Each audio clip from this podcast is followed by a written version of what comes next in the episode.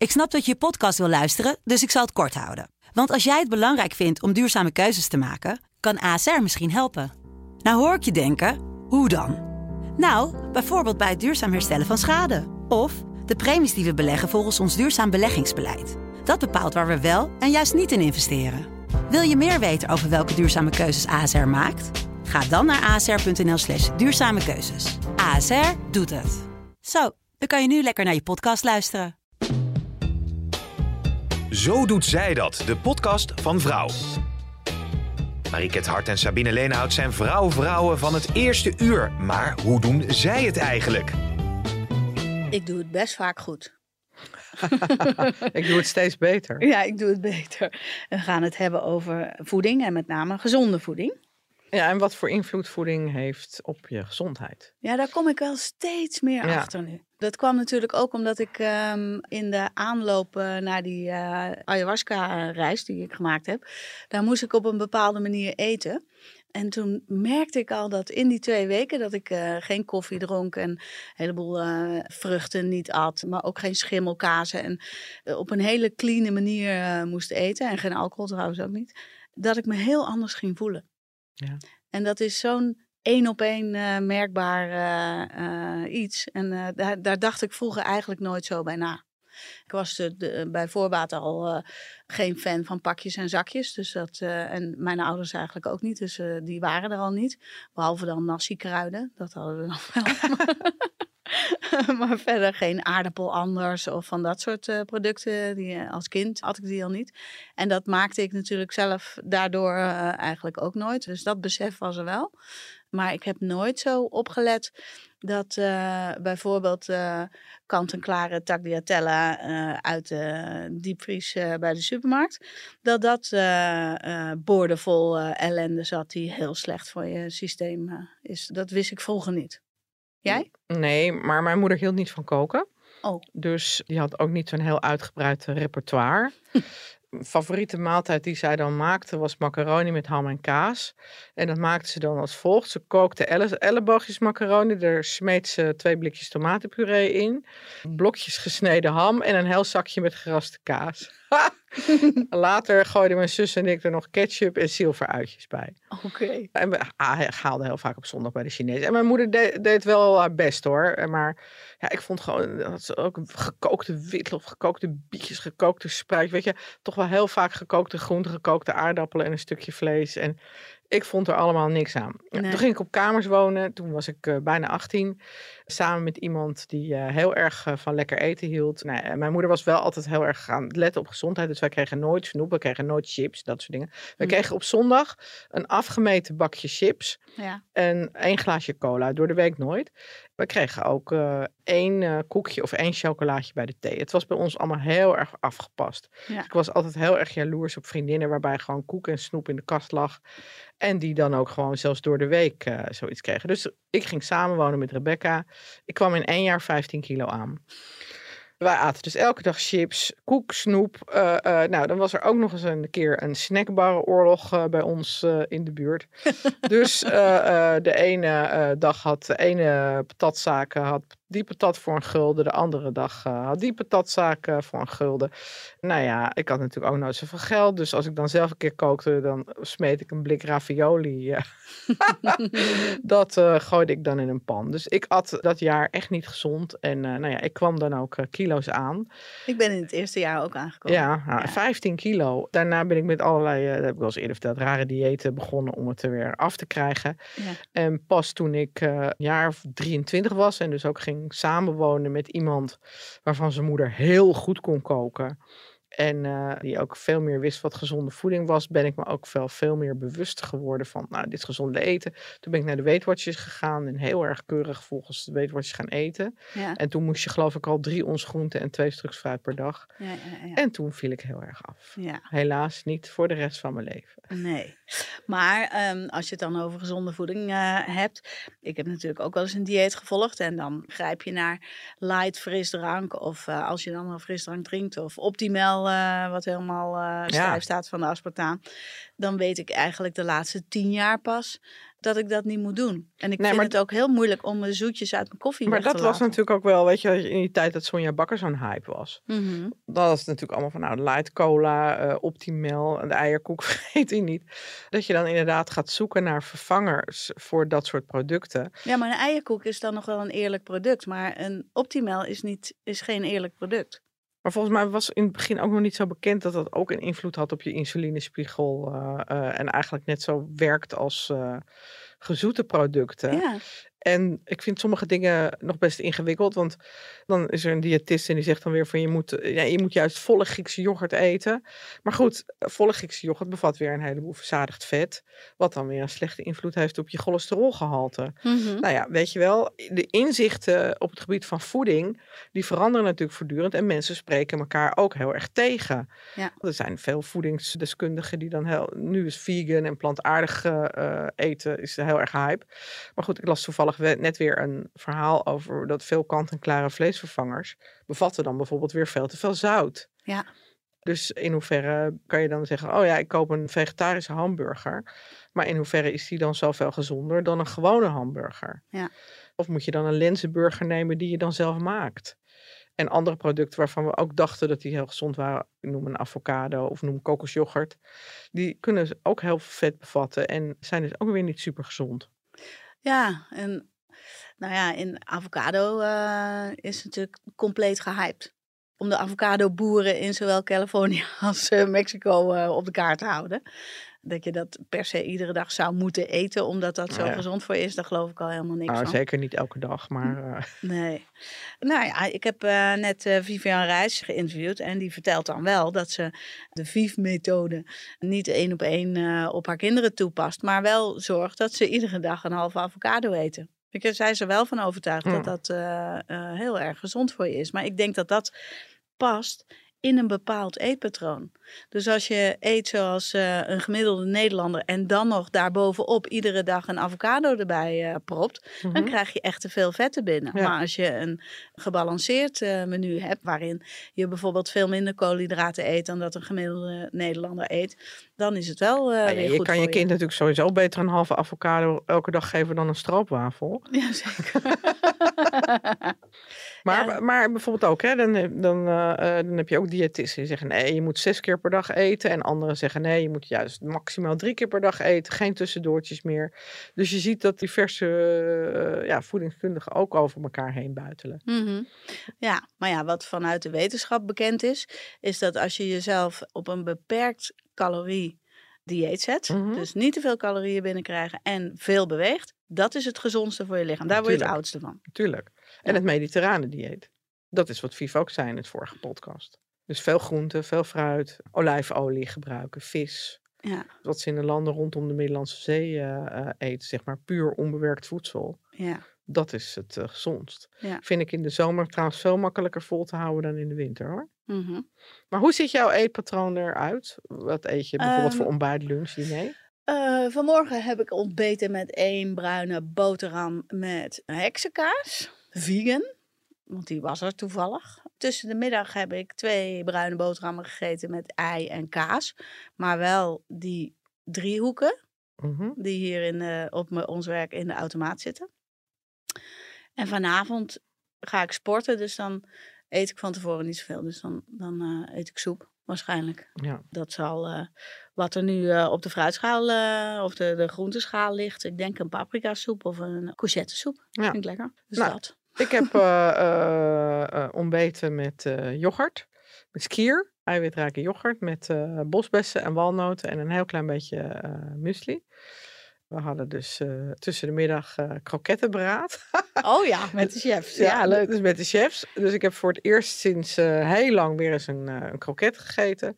En daarnaast ja, ook gewoon, je moet het dan inderdaad hebben met de broodjes die ze in de kantine hebben. Dus een volkoren broodje met uh, rosbief, tomaat en een paar plakjes ei. En ik ga vanavond ook sporten. Dus ik ga ook uh, soep maken, een pompoensoep met feta. Oh, lekker. Maarten is iedere keer nog verbaasd dat er iets op tafel komt uit, uit niks, vindt Ja. hij. Want we hebben niks in huis.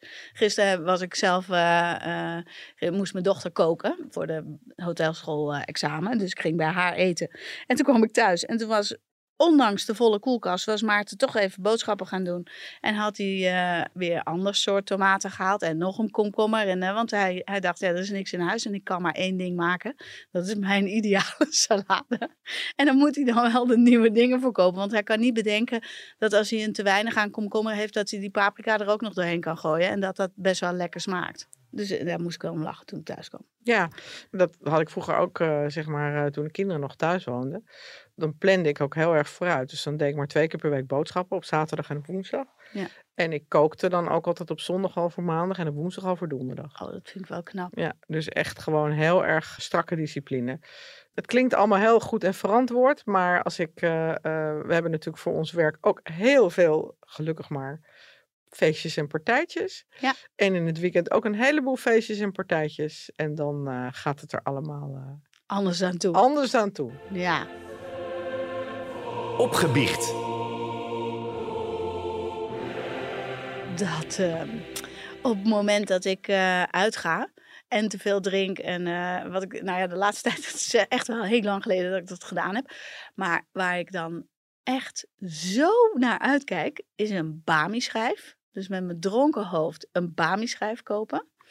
Of frikandel speciaal. Dus echt snackbar voedsel. Snackbar voedsel. Ja, ik zal dat niet zo snel als avondeten of zo eten. Of eh, tussendoor even lekker een frikandelletje halen. Daar moet altijd wel eh, uitgaan en eh, al te lang niet gegeten. En dan vet bek. Dan is dat het. En hoe vaak doe je dat? Ja, weinig. Eén keer in, in het half jaar of zo. Oh. Dus dat valt wel mee. Maar ik vind het wel super lekker. Toen in de Telegraaf stond dat er een, eh een frikadellentekort kwam, toen eh, dacht ik wel, ho ho, dat is erg. Even uitzoeken hoe dat zit. Mijn opgewicht is dat ik echt gewoon bepaalde dingen niet in huis moet halen. Ik heb wel eens eerder verteld over dat ik dan gewoon bodemdrift heb. Ja, ja, ja. Stel, ik rij nu straks naar huis en ik rij langs de supermarkt en ik haal een reep Tony Chocoloni. Ja. Ook al is het zo'n grote, ook al heb ik gegeten, dan, dan gaat die gewoon vandaag op. dus ik moet gewoon dat soort dingen die ik echt heel lekker vind. Noem kaasvlinders. Noem inderdaad de zeezout karamelreep van eh, Tony Chocoloni. ja. Die moeten heel ver eh, uit mijn buurt blijven. Als je dan bijvoorbeeld bij het benzinestation en dan moet je afrekenen en dan loop je, eh, expres doen ze dat natuurlijk, weet je wel. Dan sta je in een hele rij met allemaal snoep. Mhm. Dan ga ik soms expres, voordat ik ga afrekenen, haal ik een kopje koffie. Want dan heb ik iets in mijn hand en iets in mijn mond. En dan denk ik van, oh ja, die koffie is ook wel echt eh, eh, heel lekker. Want dat is wel echt mijn grootste guilty pleasure. Ik drink elke dag koffie met warme melk. Cappuccino, daar geef ik ook heel veel geld aan uit. Dan ren ik als eerste naar de koffiekoor Wij naar allebei. beneden. Ja, wij allebei. En thuis doe ik dat ook, maar dan doe ik het met magere melk. Dan heb ik een eh, opschuimapparaat. Maar ik vraag altijd halfvolle melk. Ja? Voor jou. Nee, en thuis heb ik mager. Oh, mager. Ja. Ik drink natuurlijk een latte met eh, havermelk. Dat doe ik ook alweer. Nou, dat begon in coronatijd. Toen, eh, en eh, vanaf dat moment schaamde ik me ook niet meer om dat in een café te vragen. Mhm. Want die- dan kwam je nog regelmatig in, eh in grand cafés waar je, als je daar dan om vroeg, dan, dan keken ze je echt aan, ben je niet goed? Nou, dat is gelukkig over. Dus nu uh, iedereen is wel, uh, uh, of veel mensen zijn over op uh, melkproducten die uh, dan niet van melk gemaakt zijn. Ja, het liefst iedere dag, ja. Er zijn natuurlijk mensen die dan zeggen, nee, zwarte koffie is beter. Ja, dat zal ongetwijfeld. Ja. Maar misschien uh, moeten we dat even aan Wendy vragen. We hebben Wendy uh, Walrijbenstein, die gaan we vandaag bellen. Zij is diëtist en wetenschappelijk onderzoeker. En ja. Uh, ja, zij weet hoe we fit worden en uh, blijven. En ze heeft een boek geschreven, dat heet Food Body Mind. En ze wil mensen helpen aan een nieuwe gezonde leefstijl. Nou, ja, misschien kunnen we die wel vragen hoe het überhaupt zit met koffie. En of je dat nou moet drinken met gewone melk of met havermelk. Ja. We gaan haar bellen.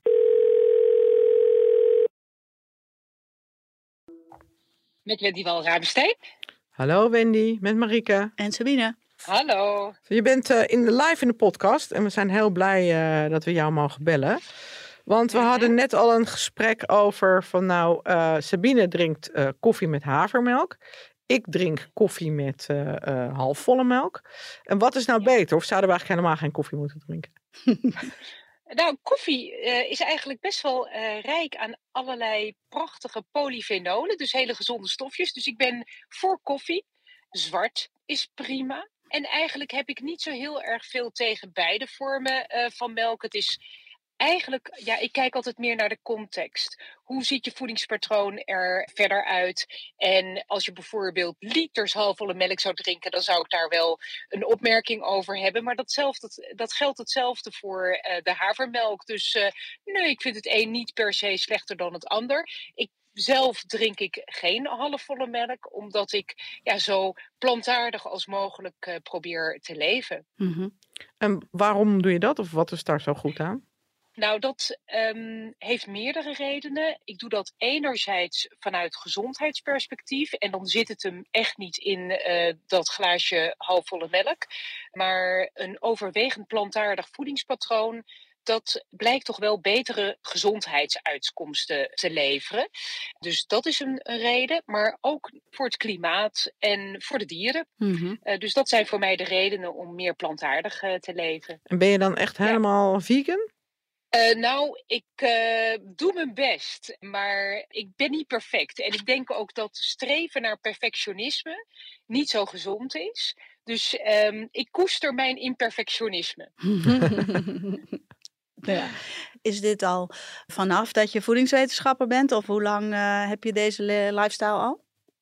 Nou, ik ben eigenlijk meer plantaardig gaan eten uh, vanaf het moment dat ik kennis maakte met uh, de Blue Zones. Hè? Dat zijn mm -hmm. die vijf gebieden op aarde waar gemiddeld uh, tien keer meer dan bijvoorbeeld in de Verenigde Staten 100-plussers wonen. Ja. En die eten overwegend plantaardig. Dus dat was voor mij de eerste stap. En toen uh, ging ik er steeds meer over lezen en er kwamen ook steeds meer hele goede onderzoeken uit. En daaruit bleek vooral dat heel vezelrijk eten eigenlijk heel erg gezond is. Ja. En vezels zitten alleen maar in plantaardige producten, niet in dierlijke producten.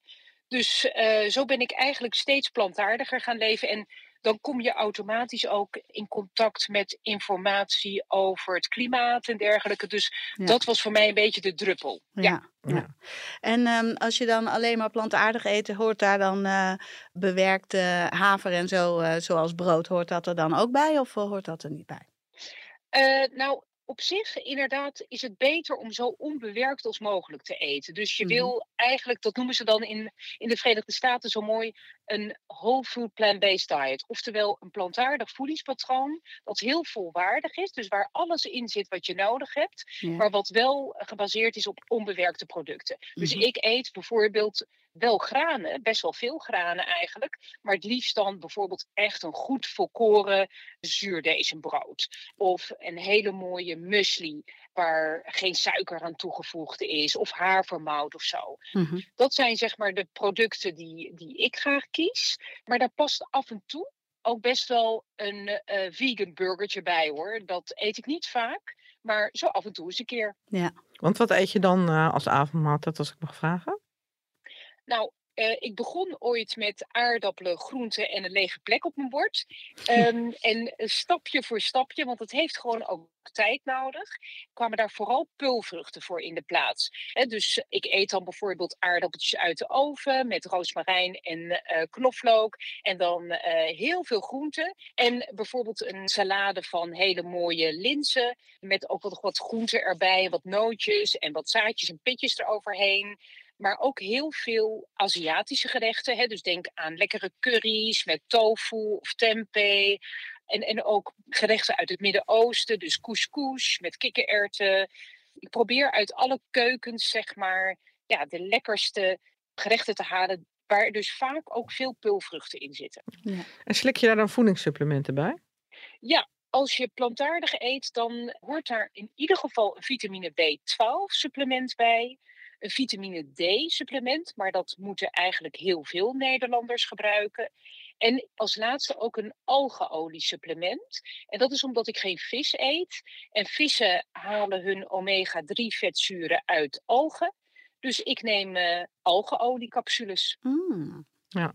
En kan je um, een dieet als dit uh, ook al uh, voor, aan kinderen voorschrijven? Ja, op zich wel. Het is wel belangrijk om dat goed, goed te doen. Hè? Ehm, vaak worden er zorgen geuit over de eiwitten. Dat is eigenlijk wel het minste probleem. Mhm. Kinderen tot een jaar of twaalf krijgen eigenlijk, als ze gewoon hun calorieën binnenkrijgen, al automatisch voldoende eiwitten binnen. En dat heeft te maken met de relatie tussen wat ze aan energie behoeften, dus hoeveel calorieën zij per dag nodig hebben, mhm. en de component eiwit daarin. Dus een beetje ingewikkeld, maar uiteindelijk komt het erop neer dat tot 12 jaar zijn die eiwitten eigenlijk geen probleem. Maar bijvoorbeeld ehm, natuurlijk wel die B12 en die vitamine D en die algeolie, dat speelt dan wel een belangrijke rol. En na 12 jaar moet je ook wel even opletten dat kinderen echt wel ja, een, een goed uitgebalanceerd voedingspatroon hebben. Maar dat kun je bijvoorbeeld ook doen door te kijken op de website van het voedingscentrum of bijvoorbeeld, waar ik zelf ook aan meegewerkt heb, de schijf for life. Hè, dat is een, eigenlijk een plantaardige variant op de schijf van vijf. Waar ook heel veel informatie staat over hoe je dat dan kan doen voor kinderen. Oh, en op zich, is het, ja, op zich is het niet heel ingewikkeld. Maar um, het is gewoon even goed om, om te checken van doe ik het wel goed. Maar dat geldt trouwens ook voor mensen die wel alles eten. Het is eigenlijk ook wel heel erg goed om gewoon even op zo'n website te bekijken van krijgt mhm. mijn kind wel binnen wat hij nodig heeft. Ja. Maar zijn wij allebei uh, 50 plus? Als ik bijvoorbeeld naar sites op de eetmeter kijk, dan staat er dat ik altijd te weinig zuivel uh, binnenkrijg. En dan, nou ja, dan uh, hoor ik natuurlijk van, oh god, uh, botontkalking, hoe zit dat dan? Ja, nou als je kijkt naar observatiestudies, dan zie je dat veganisten een iets hoger risico hebben op botontkalking. Maar als je beter gaat kijken, zie je dat dat vooral komt omdat veganisten over het algemeen slanker zijn. En hm. mensen met een lagere BMI hebben een heleboel voordelen, maar ze hebben één nadeel en dat is dat ze wat broosere botten hebben. Dus bij mensen die plantaardig eten, is het wel bijvoorbeeld belangrijk dat ze echt die vitamine D nemen, want dat eh, helpt dus bij het verbeteren van je botdichtheid. En daarnaast dat je dus ook wel voldoende calcium binnenkrijgt. Je hebt iets minder calcium nodig uit plantaardige bron dan uit dierlijke bron. Maar het is wel bijvoorbeeld belangrijk dat als je geen zuivel meer gebruikt, dat je dan bijvoorbeeld sojaproducten gebruikt. Dus hm. bijvoorbeeld ongezoete sojamelk, ongezoete sojayoghurt. En dan wel een variant waar dus ook die calcium aan toegevoegd is. En dan maakt het eigenlijk niet zoveel uit wat voor zuivel je neemt. Of dat dus sojazuivel is of zuivel van koeien. Dat maakt eigenlijk niet zoveel en uit. En haver dan, als je alleen maar haverproducten neemt? Uh, ja, dan kom je, want grofweg kun je stellen dat in vrijwel alle andere zuivelvervangers die plantaardig zijn, Mhm. Dus buiten die soja, daar zitten geen eiwitten in. dus havermelk, rijstmelk, amandelmelk, er zit dan wel vaak, uh, is al wel vaak calcium aan toegevoegd. Maar daar zit geen eiwit in. En die eiwit is überhaupt belangrijk, maar ook belangrijk voor je botmassa. En als je wat ouder wordt, dus als je 50 bent of ouder, dan is ook die eiwit heel erg belangrijk voor het behoud van je spiermassa. Mhm. Dus in die zin is het dan ook belangrijk dat je krachtoefeningen doet en dat combineert met voldoende eiwitten. Dus voldoende sojaproducten als je plantaardig eet en ook vooral voldoende pulvruchten. En het aardige is van die pulvruchten dat die ook nog heel veel andere voordelen hebben. dus je hebt dan ook een lager risico op diverse aandoeningen, waaronder diabetes en hart- en vaatziekten en dat soort uh, ziektes.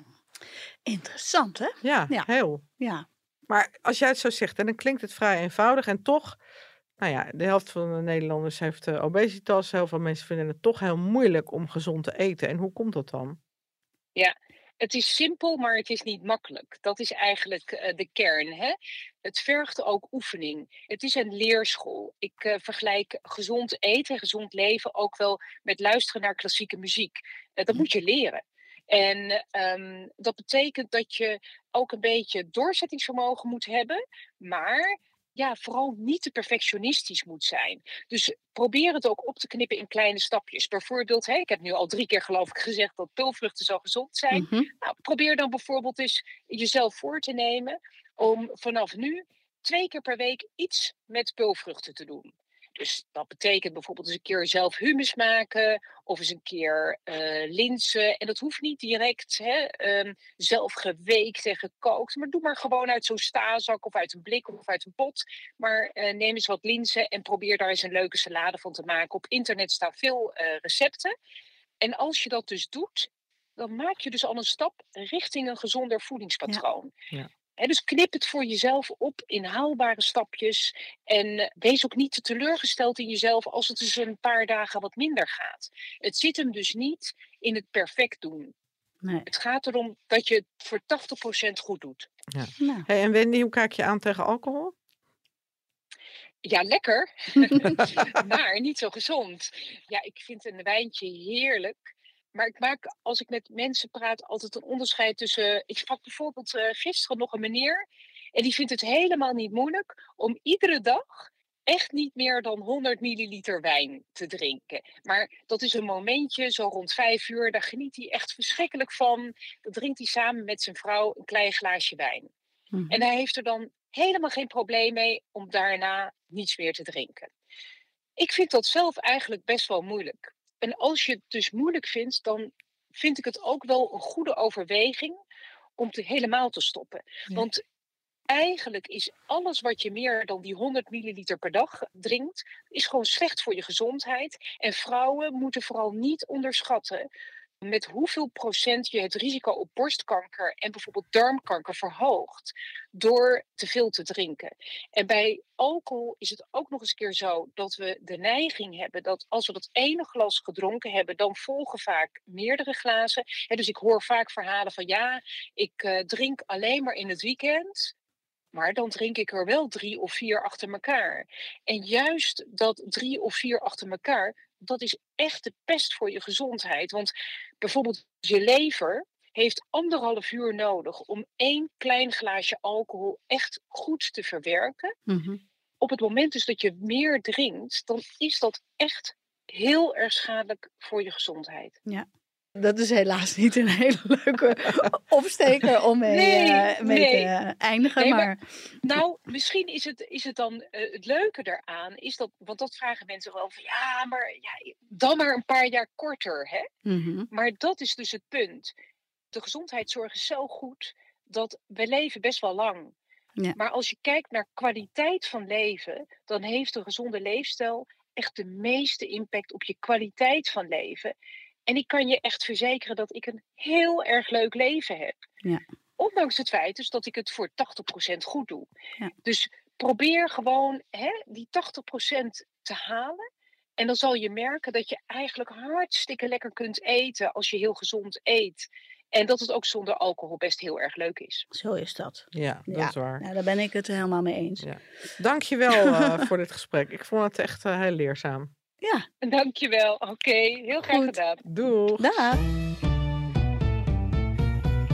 Dus je gaat nu koffie drinken met sojamelk? Uh, nou, misschien uh, zou ik die uh, twee lattes per dag sowieso naar één latte per dag kunnen brengen en één zwart. Mm -hmm. Nou, eens kijken hoe ik daarop ga. En van de rest? En van de rest. Peulvruchten. Ja, maar die eet ik al best wel veel, hè?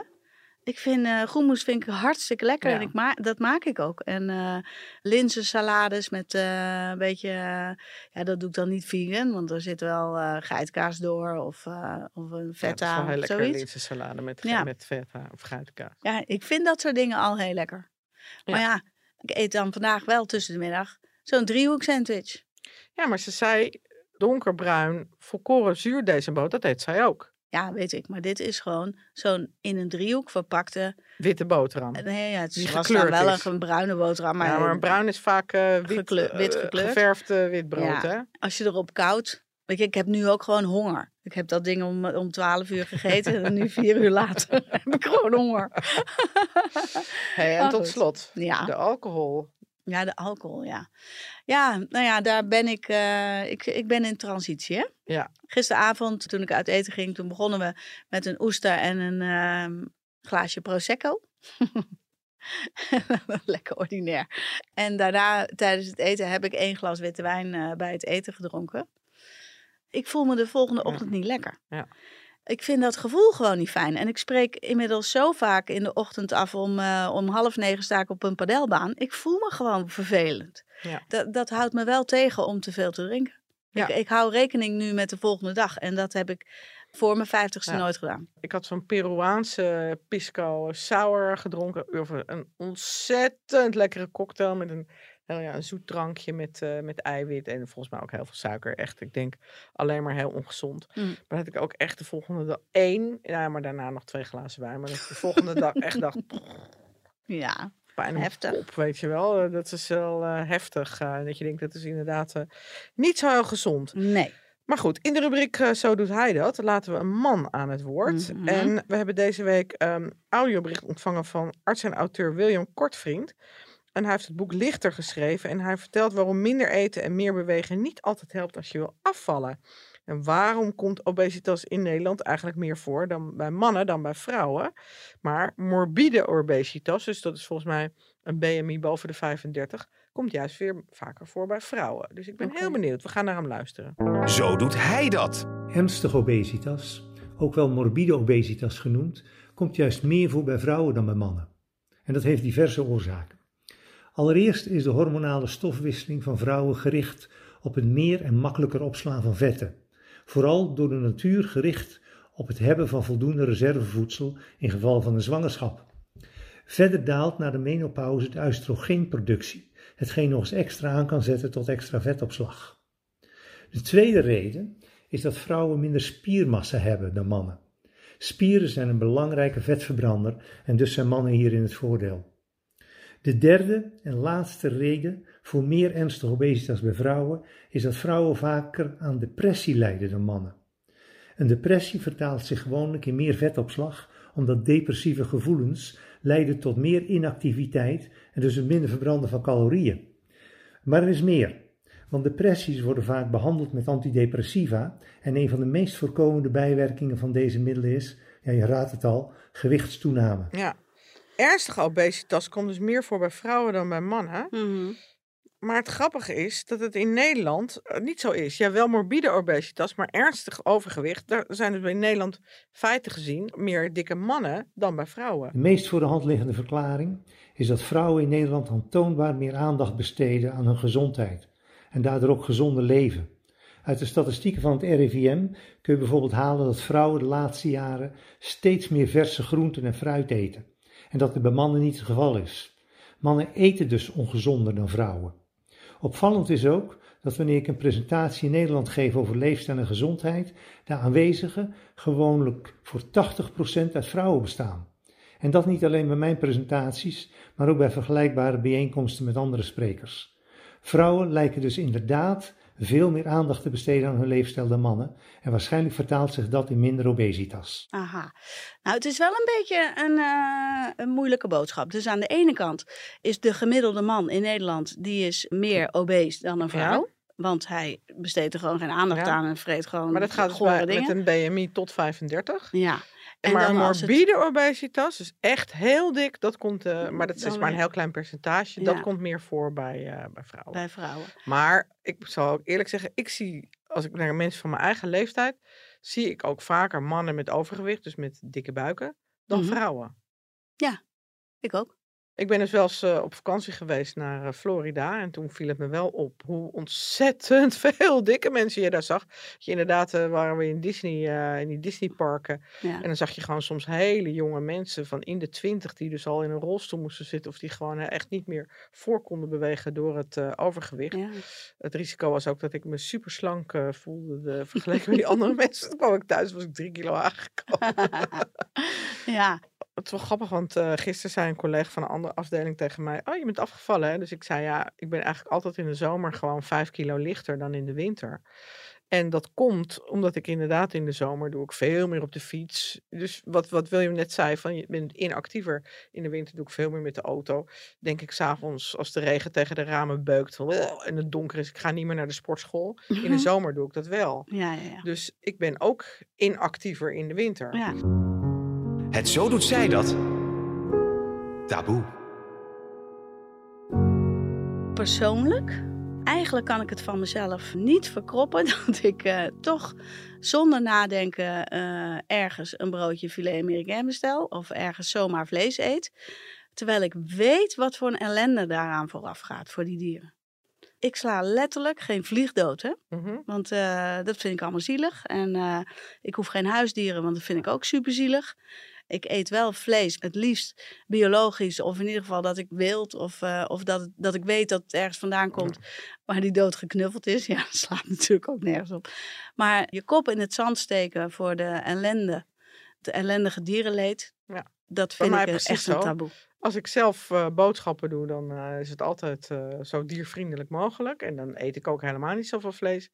Ben ik buiten de deur, dan koop ik, in, zoals vandaag heb ik dus al en een kroket op en een broodje rosbief. Geen idee waar die dieren vandaan komen. Nee. Dus dat is natuurlijk wel een klein beetje hypocriet. Het is wel grappig, want ik zit ook echt een, een beetje na, door te denken over wat Wendy net allemaal heeft zitten vertellen. Mm -hmm. En ik denk uh, misschien dat ik. Uh, um, ik ga in januari altijd een uh, maandje alcoholvrij. Mm -hmm. En misschien dat ik in januari eens eventjes een maandje alcoholvrij en plantaardig ga. Ja. Helemaal. En eens even kijken hoe dat gaat en hoe je je dan voelt. En, Ja, want die tendens is ook heel erg veranderd. Hè? Een Ja. paar jaar geleden, als mijn kind eh, dan ineens weer eh, vegetarisch eh, was, Mhm. want dat gebeurde. Mijn ook. Eh, ja, ja. Alleen mijn dochter trouwens. Oh ja, nee, mijn zoon. Die had toen ook een vegetarisch vriendinnetje. En dat is wel al zes, zes jaar of zeven jaar Mhm. geleden hoor. Eh, toen dacht ik, poeh, wat een gedoe, weet je. wel. Dan moet ik, eh, moest ik Marjolein, eh, onze culinair journalist, om tips gaan vragen. Hoe krijg ik nou die andijviestamp een beetje lekker zonder spekjes? En nou, daar had zij allemaal tips natuurlijk voor. Gerookte amandelen erdoor. Maar ik vond dat gedoe. Ik vond het, Ja. ik vond het gedoe dat ik... eh, Vegetarisch? Vegetarisch vond Oh ik best wel een beetje gedoe. En heb ik ook wel eens eh, vriendinnen gehad die veganistisch gingen eten. Dat vind ik Dat gedoe. vond ik nog meer gedoe. Ja, mijn zoon heeft een tijdje een vegan vriendin gehad. En die kwam een paar weken bij ons logeren, want die woonde in Amerika. Of eh, met kerst, weet je wel. Nou, toen had ik, eh, had ik eh, veganistische camembert gekocht. Echt zo vies. Ja, maar daar komen we nu achter dat je geen, dat je dergelijke producten niet hoeft te vervangen. Nee, dat klopt. Eh, maar je dat je gewoon iets ik, anders ik gaat eet een doen. toastje met veganistische camembert. Want dat is niet te, niet te doen.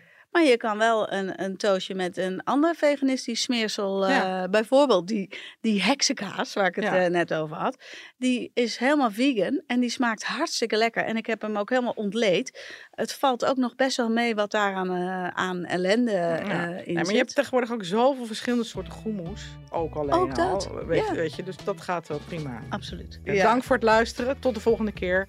En vergeet niet een paar sterren te geven in je favoriete podcast app. Doeg! Doeg Hulu.